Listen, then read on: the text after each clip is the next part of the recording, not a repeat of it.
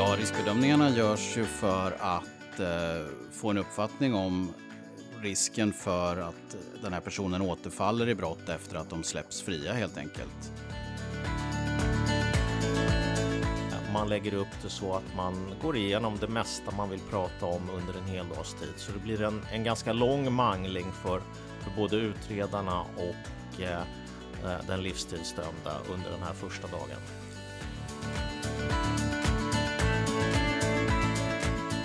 Vi uttalar oss i en tregradig skala om risken för återfall i, i brottslighet. Eh, och det är låg, medelhög och hög. Så att när vi väl har eh, samlat in allt material och gjort eh, det vi ska göra så, så bestämmer vi då vilken risknivå de här personerna har och det är då den här tregradiga skalan. Idag sitter cirka 200 personer dömda till livstidsfängelse på våra anstalter. När en livstidsdömd avtjänar 10 år av sitt straff kan personen ansöka om att få fängelsestraffet omvandlat till ett tidsbestämt straff. Den ansökan behandlas av Örebro tingsrätt.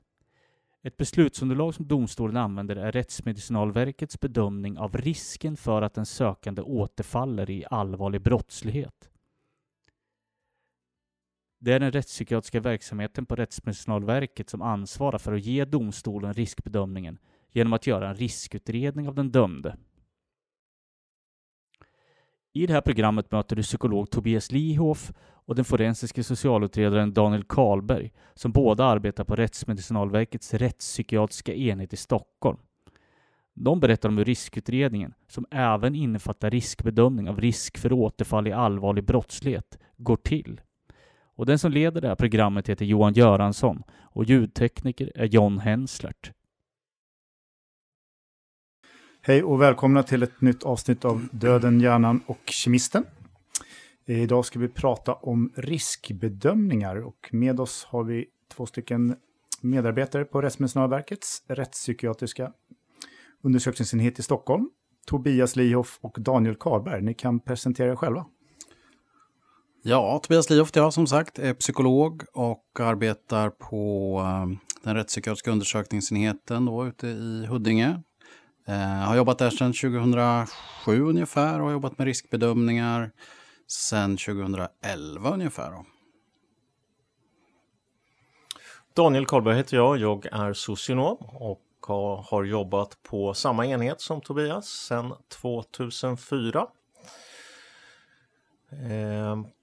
och eh, min yrkestitel är forensisk socialutredare och i egenskap av det så brukar jag eh, göra en del av den rättspsykiatriska utredningen som heter eh, socialutredning.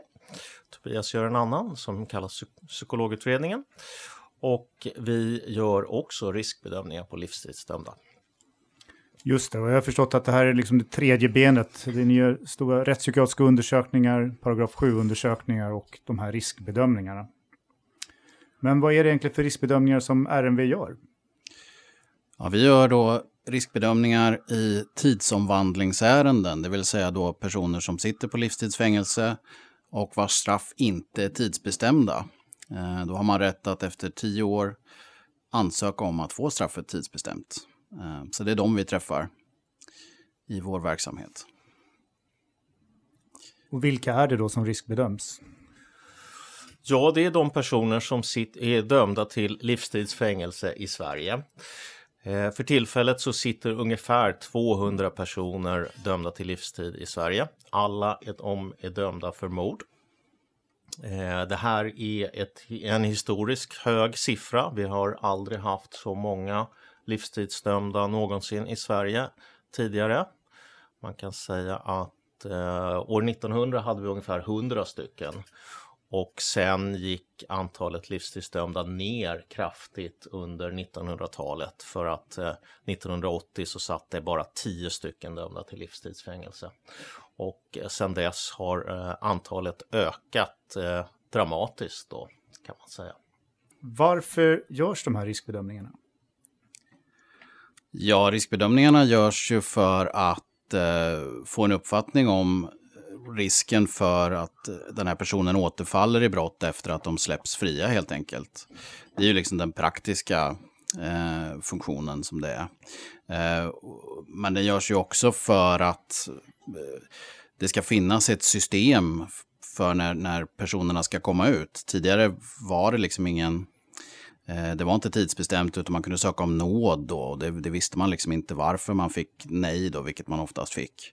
Ehm, så då har man försökt bygga upp ett system där Örebro tingsrätt har som uppdrag att, att ehm, bedöma de här personerna och fatta beslut om när de kan eh, få komma ut då.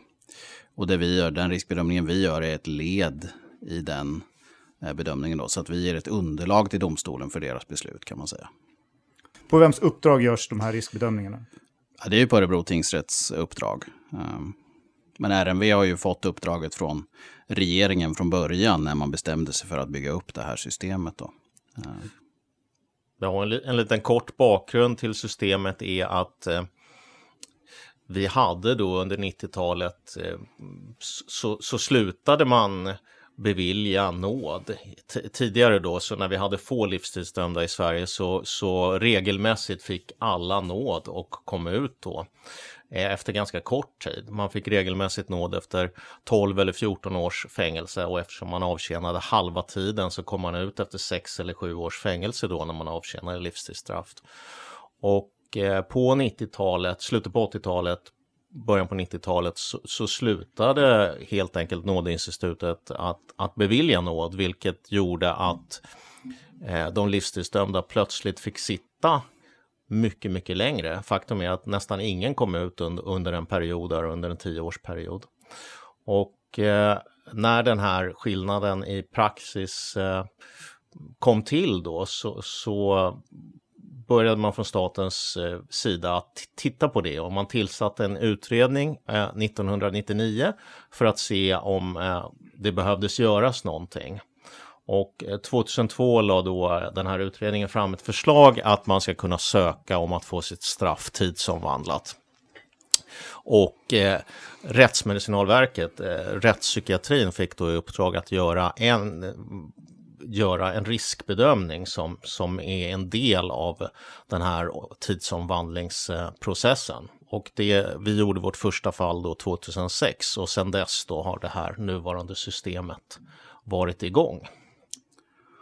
Precis, och domstolen har ju som underlag, det är vår bedömning och sen har de eh, Kriminalvården skriver också en inlaga då om hur det har funkat för personen under verkställigheten, om de har gjort sig skyldiga till några misskötsamheter, vilka program de har genomgått och sådär.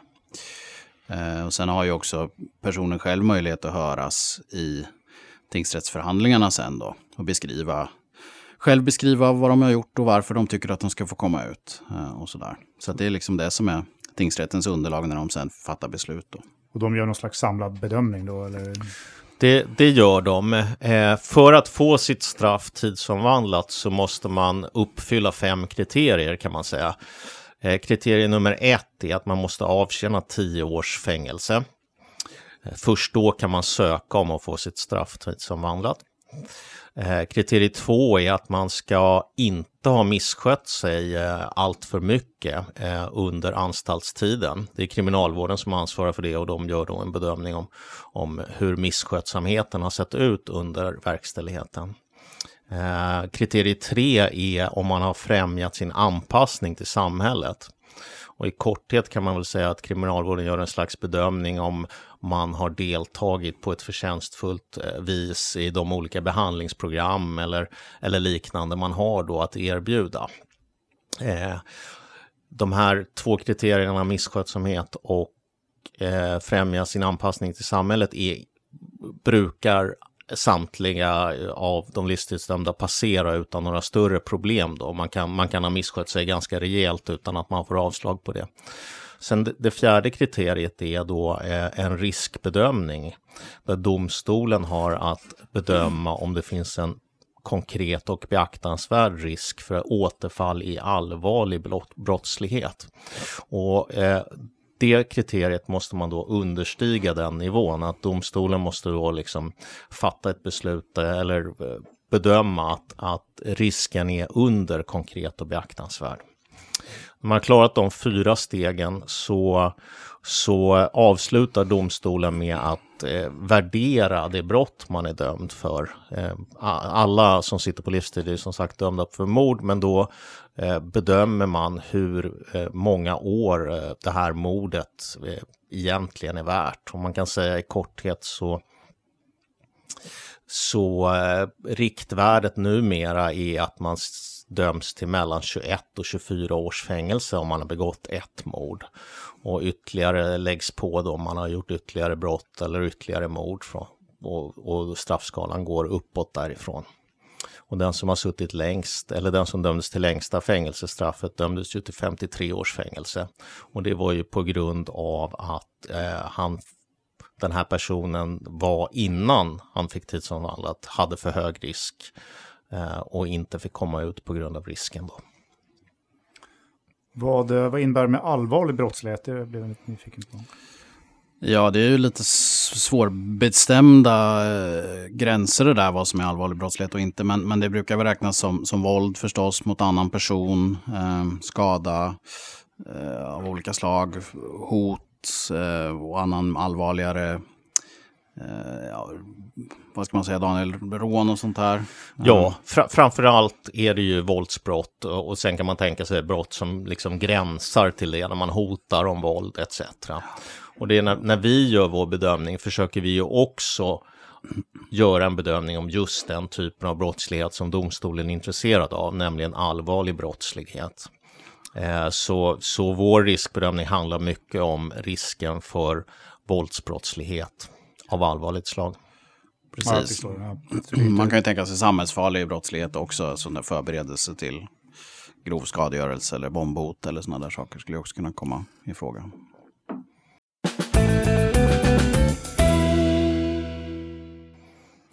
Okej, men hur, hur går en sån här riskbedömning till då, steg för steg? Ja, rent praktiskt går det ju till så att vi får uppdraget från eh, domstolen, eller personen börjar ju med att ansöka då förstås, när de har suttit sina tio år. Eh, och det kan vara ganska enkelt, de gör en, en handskriven ansökan, oftast till domstolen, där de beskriver att, att de vill ha eh, sitt eh, tidsomvandling prövad helt enkelt. Och domstolen registrerar, kollar så att de har suttit tillräckligt lång tid eh, och att det inte föreligger några andra typer av hinder för, för tidsomvandlingen. Och sen får vi uppdraget då från, från tingsrätten. Um, och det vi gör då är att vi sätter samman ett team helt enkelt som ska göra den här riskbedömningen. Och det brukar ju vanligen bestå av en, en ehm, ja, som våra team alltid gör när vi, även när vi gör rättspsykiatriska undersökningar, så är det en, en, läkare, en socialutredare och en psykolog då som samarbetar kring ärendet kan man säga. Begär alla den här omvandlingen? Har ni någon statistik på det? Mm, nej, alla begär inte det. Uh, utan det är stipulerat då att man kan själv söka som livstidsdömd eller kriminalvården kan söka åt en. Eh, men det finns eh, flera som sitter på livstid som inte inte har sökt. Eh, av olika skäl har inte, har inte valt att göra det. En del av de här personerna brukar kriminalvården jobba med så att de söker för att eh, de åtminstone ska få sin sak prövad då.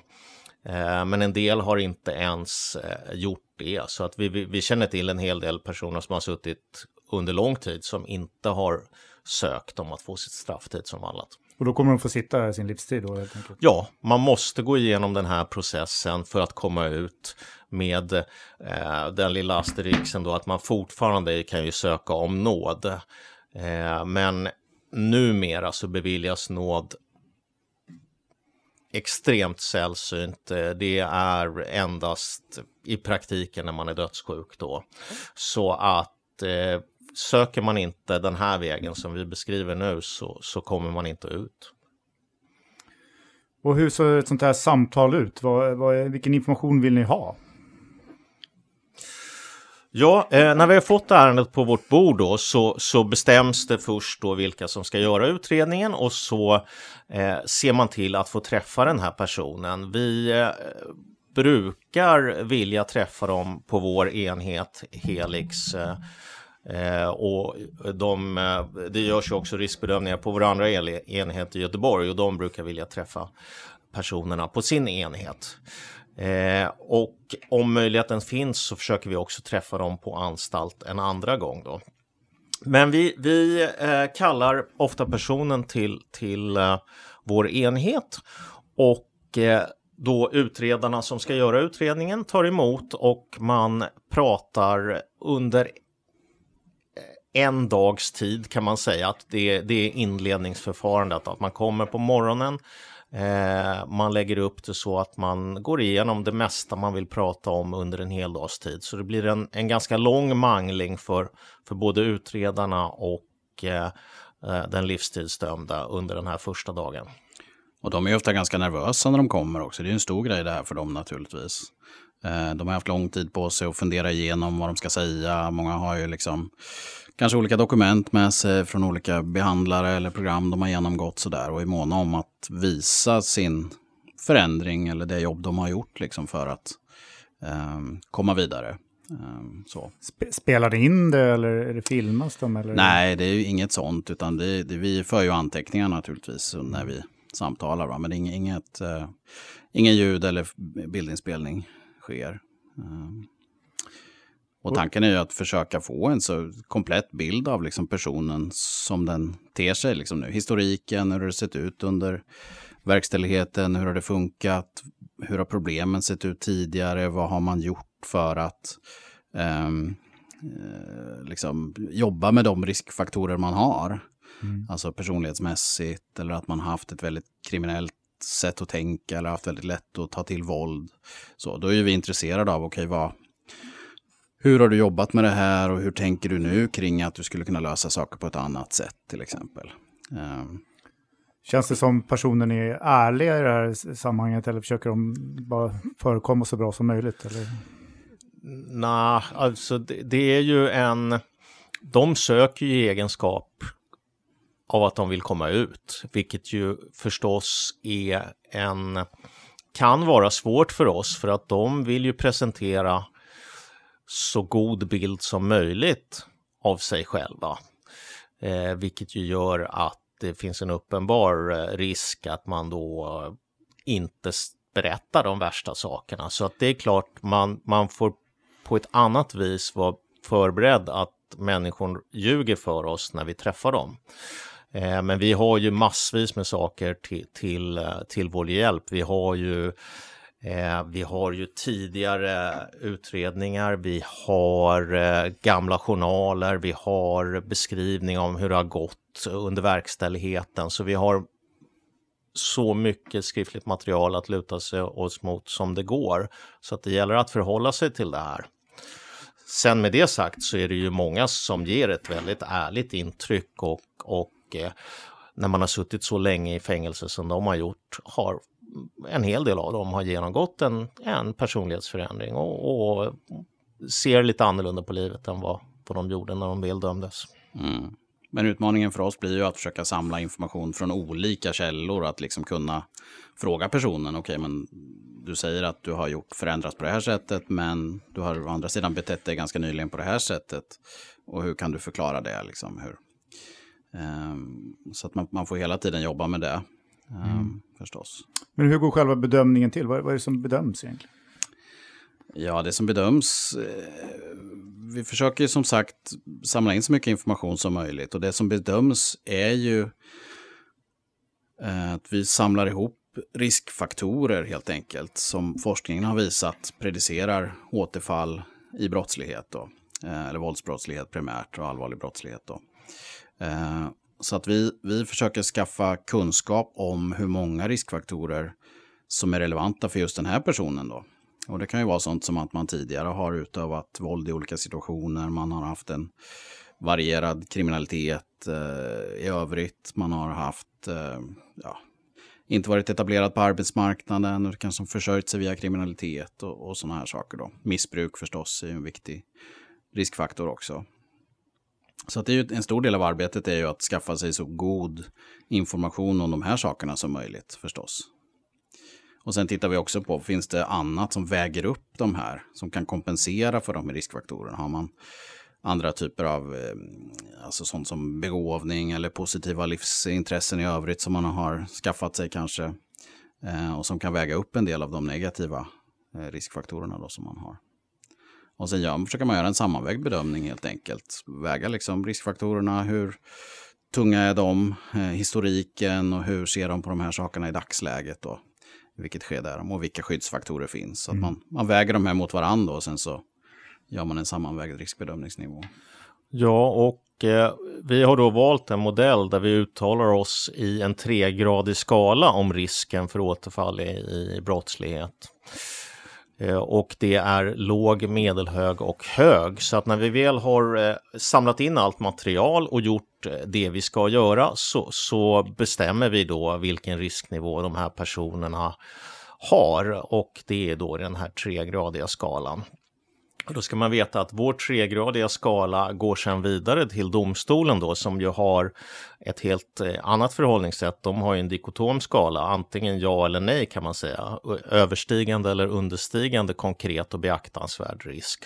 Och vårt system eh, med en tregradig skala gör ju att de får så att säga göra sin egen riskbedömning och eh, bedömning av, av eh, Eh, den här konkreta och beaktansvärda risken för återfall. Då. Eh, så man kan säga att enkelt sett kan man säga att när vi beskriver låg risk så brukar domstolen tycka att det är då understigande konkret och beaktansvärd och när vi skriver hög risk så brukar de tycka att det är överstigande. Och sen finns det då den här medel, eh, medelsvaret, medelhög nivå där domstolen eh, oftast eh, tycker att det är överstigande konkret och beaktansvärd risk. Men det händer då att man eh, beviljar tidsomvandlat för att risken eh, inte är överstigande konkret och beaktansvärd. Och så kan man ju säga att domstolen gör ju alltid sin egen bedömning utifrån den informationen som framkommer i förhandlingen. Alltså de väger våran, kriminalvårdens beskrivning, våran riskbedömning och det som framkommer i, intervju med, med den, den som söker till exempel. Då, och de personer, de kan ju kalla personer också som talar i deras sak, eller vad man ska säga då. Eh, och det händer ju att, att domstolen också bedömer annorlunda än vad vi har gjort i vår bedömning. Mm. Även om det inte är så jättevanligt. Um, så att de gör liksom en, en, egen bedömning av riskbedömningen kan man ju säga och kan komma fram till något annat. Uh, så.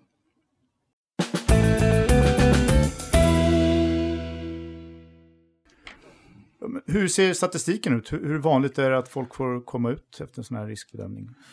Ja, vi har ingen eh, dask, dagsfärsk statistik på, det, på detta just nu, men det är generellt sett svårt att få sitt straff eh, tidsomvandlat. Det är eh, svårt att eh, komma ner i låg risk och Eh, man behöver också då ha avtjänat den tid som domstolen tycker är lämpligt. Vilket gör att de flesta faktiskt får avslag eh, ganska många gånger innan de får tidsomvandlat straff. Så att eh, man kan säga att när vi började med det här systemet så hade vi om jag minns det rätt, runt 150 stycken som avtjänade livstidsstraff. Och vi har ju då kontinuerligt nu under 18 års tid gjort de här riskbedömningarna och domstolen har avhandlat de här fallen och det är ändå eh, 50 stycken mer som har liksom byggts på inom kriminalvården. Så det är ingen stor, inget stort utflöde av de livstidsdömda som har skett eh, genom de här åren. Eh, för det måste, först måste gå tio år förstår jag sen, men sen hur, när får man ansöka igen? Det ska gå ett år emellan att eh, domen är laga kraft och till det att man kan ansöka igen. Eh, så att det finns ju flera i systemet som har gjort både sex och sju sådana här riskbedömningar förstås. Och om ni har varit med alla de här gångerna, kan man se någon skillnad? Händer det någonting i folks... Liksom... Ja, vi, ju, vi försöker ju ha nya teamkonstellationer för varje bedömning så att de får liksom en ny rättvisande bedömning varje gång. Um, men det man kan se är ju att många, de allra flesta, gör ju saker för att förbättra sin riskprofil. Uh, och jag menar de historiska faktorerna kan man inte göra så mycket åt. Man har varit kriminell, man har haft ett dömts för våldsbrott många gånger. Det kan man inte göra så mycket åt.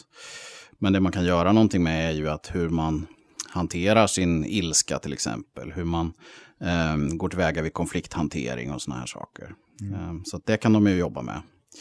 Och när vi gör en sån här bedömning, det är ju inte så att vi bara säger att den här personen har hög risk för återfall i brott och sen säger vi inget mer om det, utan vi försöker ju också se vad, vad, vad skulle vi kunna rekommendera för att den här personen kan sänka sin risk också. Och det kan ju handla om att man behöver genomgå olika typer av program inom kriminalvården eller kanske någon typ av eh, annan typ av behandling eh, som skulle kunna vara bra för, för den här personen. Och öka insikten eller att man behöver bearbeta ursprungsbrottet på ett annat sätt. Eller...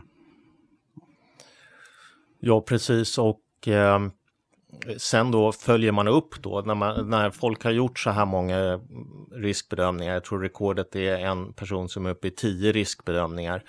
Eh, så är det, ju, det är ju generellt för att man då har en hög risk kan man säga, eller en risk som är åtminstone medelhög, att man hela tiden återkommer med nya riskbedömningar. Så då, då krävs det ju någonting eh, av den här personen för att förändra den bilden. Och en del har inte det i sig helt enkelt. En del personer är för farliga och det avspeglar sig då att man får göra riskbedömningar om och om igen. Precis, och det blir också ett problem. En utmaning för oss är ju också att försöka se vad är liksom en genuin förändringsvilja hos den här personen. För man kan ju liksom göra de här sakerna som vi har rekommenderat. Gå igenom de här programmen, eh, liksom prata med den här psykologen och att liksom lära sig. Det blir ju lite så att man eh, lär sig vad, också vad man ska säga i riskbedömning för att man förstår efter några gånger vad vi vill höra och så. Och då blir utmaningen för oss att bedöma, okej, okay, vad är vad är en, som sagt en genuin förändringsvilja hos den här personen och vad har de egentligen åstadkommit i praktiken då? Eh, så det är ju en knepig, det är ju alltid en knepig uppgift att bedöma förändring förstås. Eh, men i det här fallet blir det ju, blir det ju ännu viktigare. Eh, mm. Men ni jobbar ju i team, händer det att ni är oense? Eller? Ja, vi samarbetar ju rätt mycket, så för det mesta blir det ju en process där man diskuterar ihop sig och, och tillsammans eh, kommer fram till liksom en, en risknivå. Men det händer ju att man, det är ju ett, eh, finns ju utrymme för att tycka olika eh, i de här fallen förstås. Man kan värdera olika riskfaktorer på olika sätt och hamna liksom på olika sidor om gränsen mellan medelhög och låg till exempel. Um, så. så då försöker vi hantera det genom att, att man beskriver helt enkelt i det utlåtandet som går till domstolen att, att det har funnits olika åsikter i teamet. Då. Eh, och redogöra för det och sen får domstolen hantera det helt enkelt.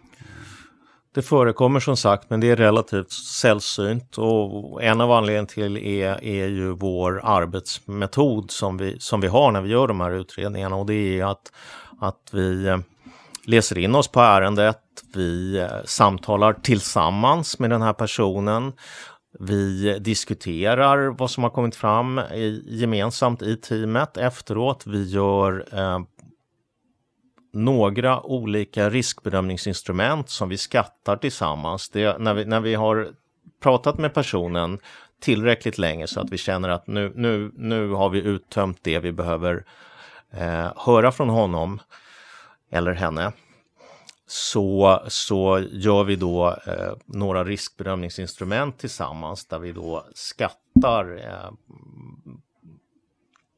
personens risk och skyddsfaktorer.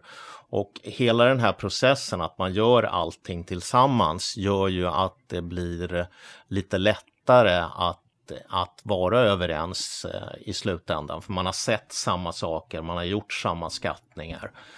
Eh, och det är en styrka och det är också en styrka att vara flera stycken och göra utredningen för att man inte går bort sig, att man inte blir lurad eller drar fel slutsatser eller gör fel tolkningar av den information vi har fått in. Så att eh, själva teamsarbetet är A och O i de här eh, riskbedömningarna. Man kan ju också hjälpa varandra att liksom se andra aspekter kanske. Jag menar, en, en stor risk när man utreder folk eller man gör utredningar överslaget överhuvudtaget är ju att man bestämmer sig tidigt för vad man tycker och så letar man information som överensstämmer med det man redan har bestämt sig för. Då. Eh, och är man ett team då kan man ju tillsammans hjälpas åt att vara lite djävulens advokat i olika situationer. Att liksom vara den eh, som, som säger emot lite grann eller provar andra sätt att eh, se på på ärendet och, och risken i det här fallet. Så att, men, det, men det är ju viktiga aspekter att vi också använder instrument som är liksom väl beforskade och, och liksom, eh, där de här riskfaktorerna som, som forskningen har visat eh, är mest potenta finns med. Då. Så det är ju inte så att vi själva sitter och hittar på utan Nej, vi använder ju de här som stöd i, i processen. Då. Har ni koll på hur vanligt det är att de som får tidsbestämt straff äh, återfaller i allvarlig brottslighet? Ja, vi, eh, vi gjorde eh, vi, vi, gjorde en uppföljning för tio år sedan. 2013 gjorde vi en uppföljning där vi tittade på alla som hade kommit ut, vilka av dem som eventuellt hade återfallit i allvarlig brottslighet. Och då var det eh, fem stycken av 26 som hade återfallit i vad vi eh, benämnde som allvarlig brottslighet, det vill säga i eh, våldsbrott, eventuellt eh, hotbrott. Och eh, efter det har vi inte gjort någon uppföljning, men man kan väl säga som så att de här fallen är relativt uppmärksammade så att om en livstidsdömd som har avtjänat sitt straff eller kommit ut begår ett allvarligt brott så uppmärksammas det. Det såg vi redan innan då 2013 när vi, när vi gick igenom det. Men eh, efter 2013 har vi haft ett allvarligt våldsbrott Eh, av en livstidsdömd. Då. Så man kan säga att genom åren så har det varit tre riktigt allvarliga incidenter när folk har kommit ut som har, som har då återfallit. Vi har haft ett mord, ett försök till mord och en grov våldtäkt. Och det är väl de eh, brotten man helst skulle vilja se att eh, det inte hade varit folk som hade återfallit i då. Sen så ibland så kan, eh, kan man läsa i dagspressen eller kvällspressen om att eh, det är si och så många som återfaller eh, av de livstidsdömda. Men eh, det rör sig allt som oftast om mindre allvarlig brottslighet och det är inte det vare sig vi eller domstolen tar hänsyn till.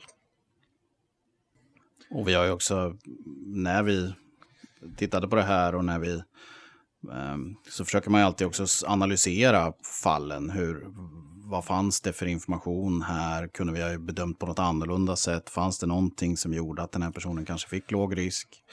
Eh, var det en korrekt bedömning? Fanns det andra saker vi hade kunnat väga in? Eh, just utifrån att personen har återfallit då. Nu är det ju så få fall då på det sättet, men, men det är ju en viktig aspekt förstås för oss och försöka lära oss av de fallen.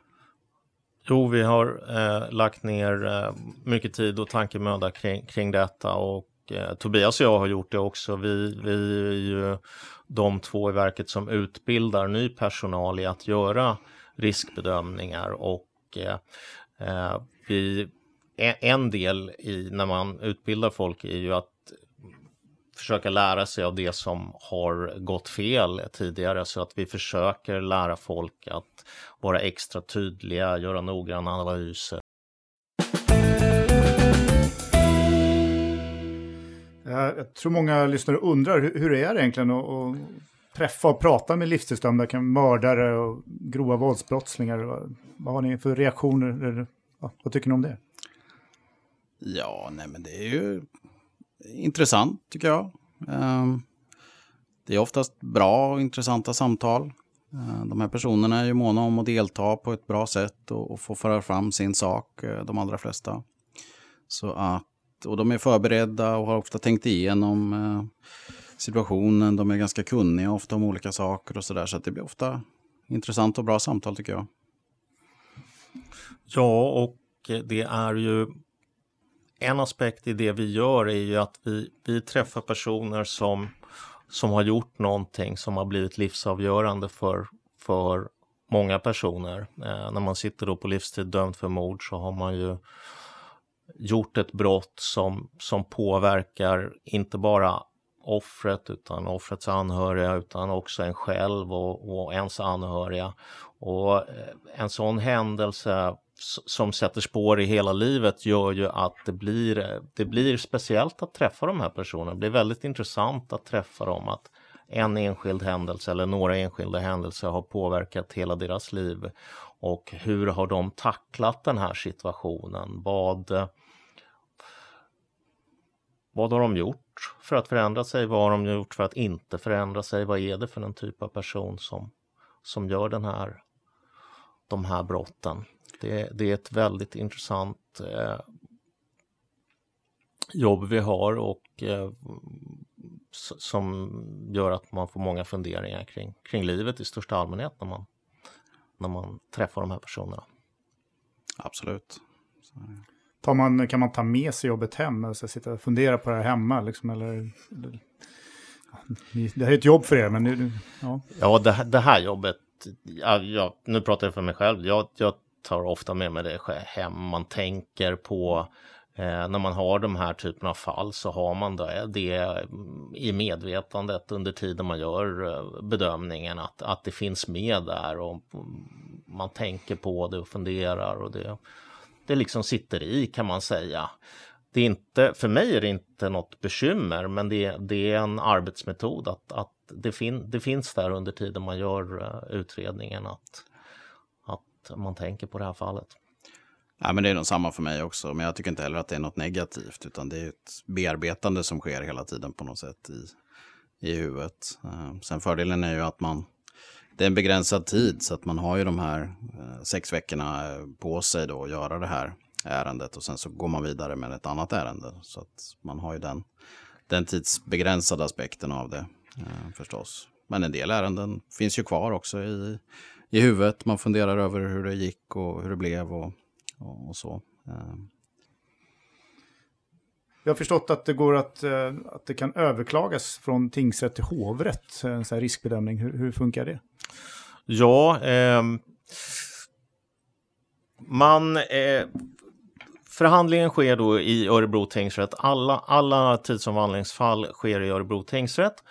Och om någon av parterna, åklagaren eller försvaret då, försvaret är i den här, eh, det här fallet då, den livstidsdömde är missnöjd så kan man överklaga och då tas det upp i eh, Göta hovrätt och det blir en ny förhandling.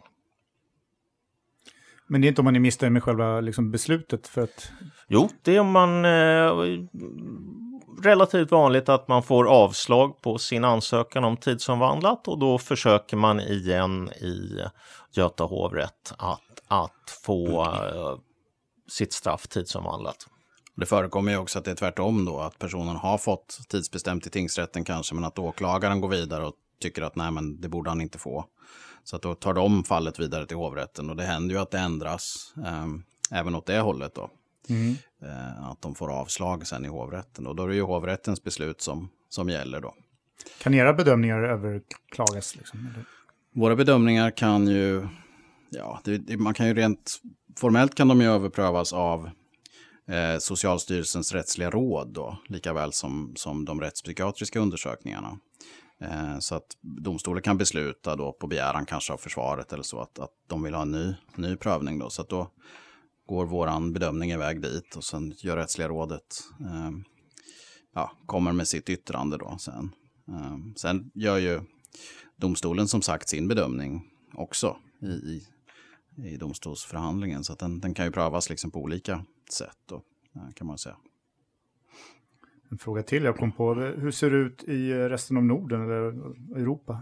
Övriga landet, övriga utlandet? Ja, eh, just på det vis som vi gör riskbedömningar vid eh, personer som vill få sitt livstidsstraff tidsomvandlat är, är, är unikt, men det finns andra liknande system där man då döms till livstid och sen straffet omvandlas till tidsomvandlat. Finland har ett snarlikt system men är mera generösa vid riskbedömningen kan man säga, så där kan man också söka om tidsomvandlat. Då. Eh, många länder i Europa har ju eh, ett maxstraff istället för livstidsstraff. Det brukar vara 40 eller 30 år. Eh, och andra länder som, som tillämpar livstidsstraffet har lite olika sätt då att förhålla sig till att folk faktiskt inte sitter livstid. Det är inte så vanligt i Europa att man sitter, sitter livet ut utan det finns olika sätt att, att komma ut då från livstidsstraffet.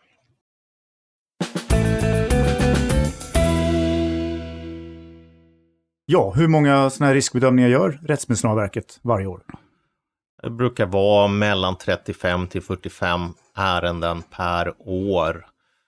Eh, de sista åren har vi haft något mindre fall. Va?